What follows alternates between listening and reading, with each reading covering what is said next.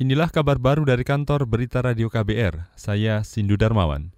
Menteri Keuangan Sri Mulyani bakal mengkaji wacana penggantian ASN eselon 3 dan 4 dengan kecerdasan buatan. Wacana itu diloncar, dilontarkan Presiden Joko Widodo sebagai bagian upaya reformasi birokrasi.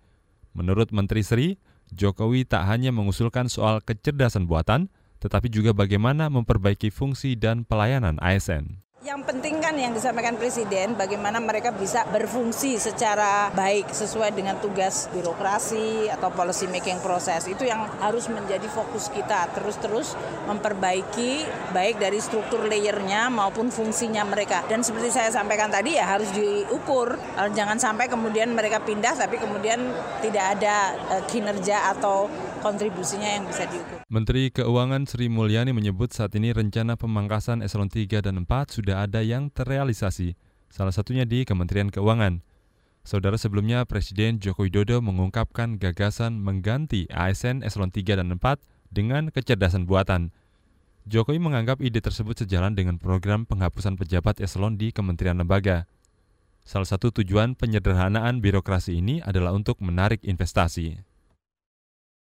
Pusat Vulkanologi dan Mitigasi Bencana Geologi PVMBG meminta masyarakat mewaspadai erupsi freatik atau semburan uap gunung berapi pada musim hujan.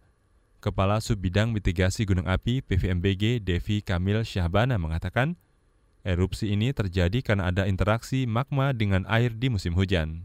Ya kalau erupsi freatik itu dia eh, tidak diakibatkan secara langsung oleh magma. Jadi dia bukan karena ada yang magma naik langsung ke atas ke permukaan, tapi dia dipicu oleh eh, aktivitas atau aktivitas di hidrotermal artinya bawah air bawah permukaan. Nah kalau misalnya terjadi hujan yang dengan volume yang sangat besar, kemudian aktivitas uap dari magma itu berinteraksi dengan dengan air, nah dia bisa mengakibatkan namanya letusan freatik. Kepala Subbidang Mitigasi Gunung Api PVMBG Devi Kamil Syahbana menyebut, erupsi freatik tidak selalu terjadi pada musim hujan. Namun erupsi berupa semburan uap ini berpotensi terjadi pada gunung berapi atau area berkawah di mana pun. PVMBG juga meminta masyarakat menjauhi kawah karena potensi mengalirnya lahar dingin sangat tinggi. Terlebih ada peluang penyebaran gas beracun lebih besar pada musim hujan. Kita ke berita olahraga. Timnas Polo Air Putra mempersembahkan emas pertama bagi Indonesia di ajang SEA Games 2019. Dikutip dari antara kepastian ini, usai tuan rumah Filipina ditahan imbang Singapura dengan skor 6-6.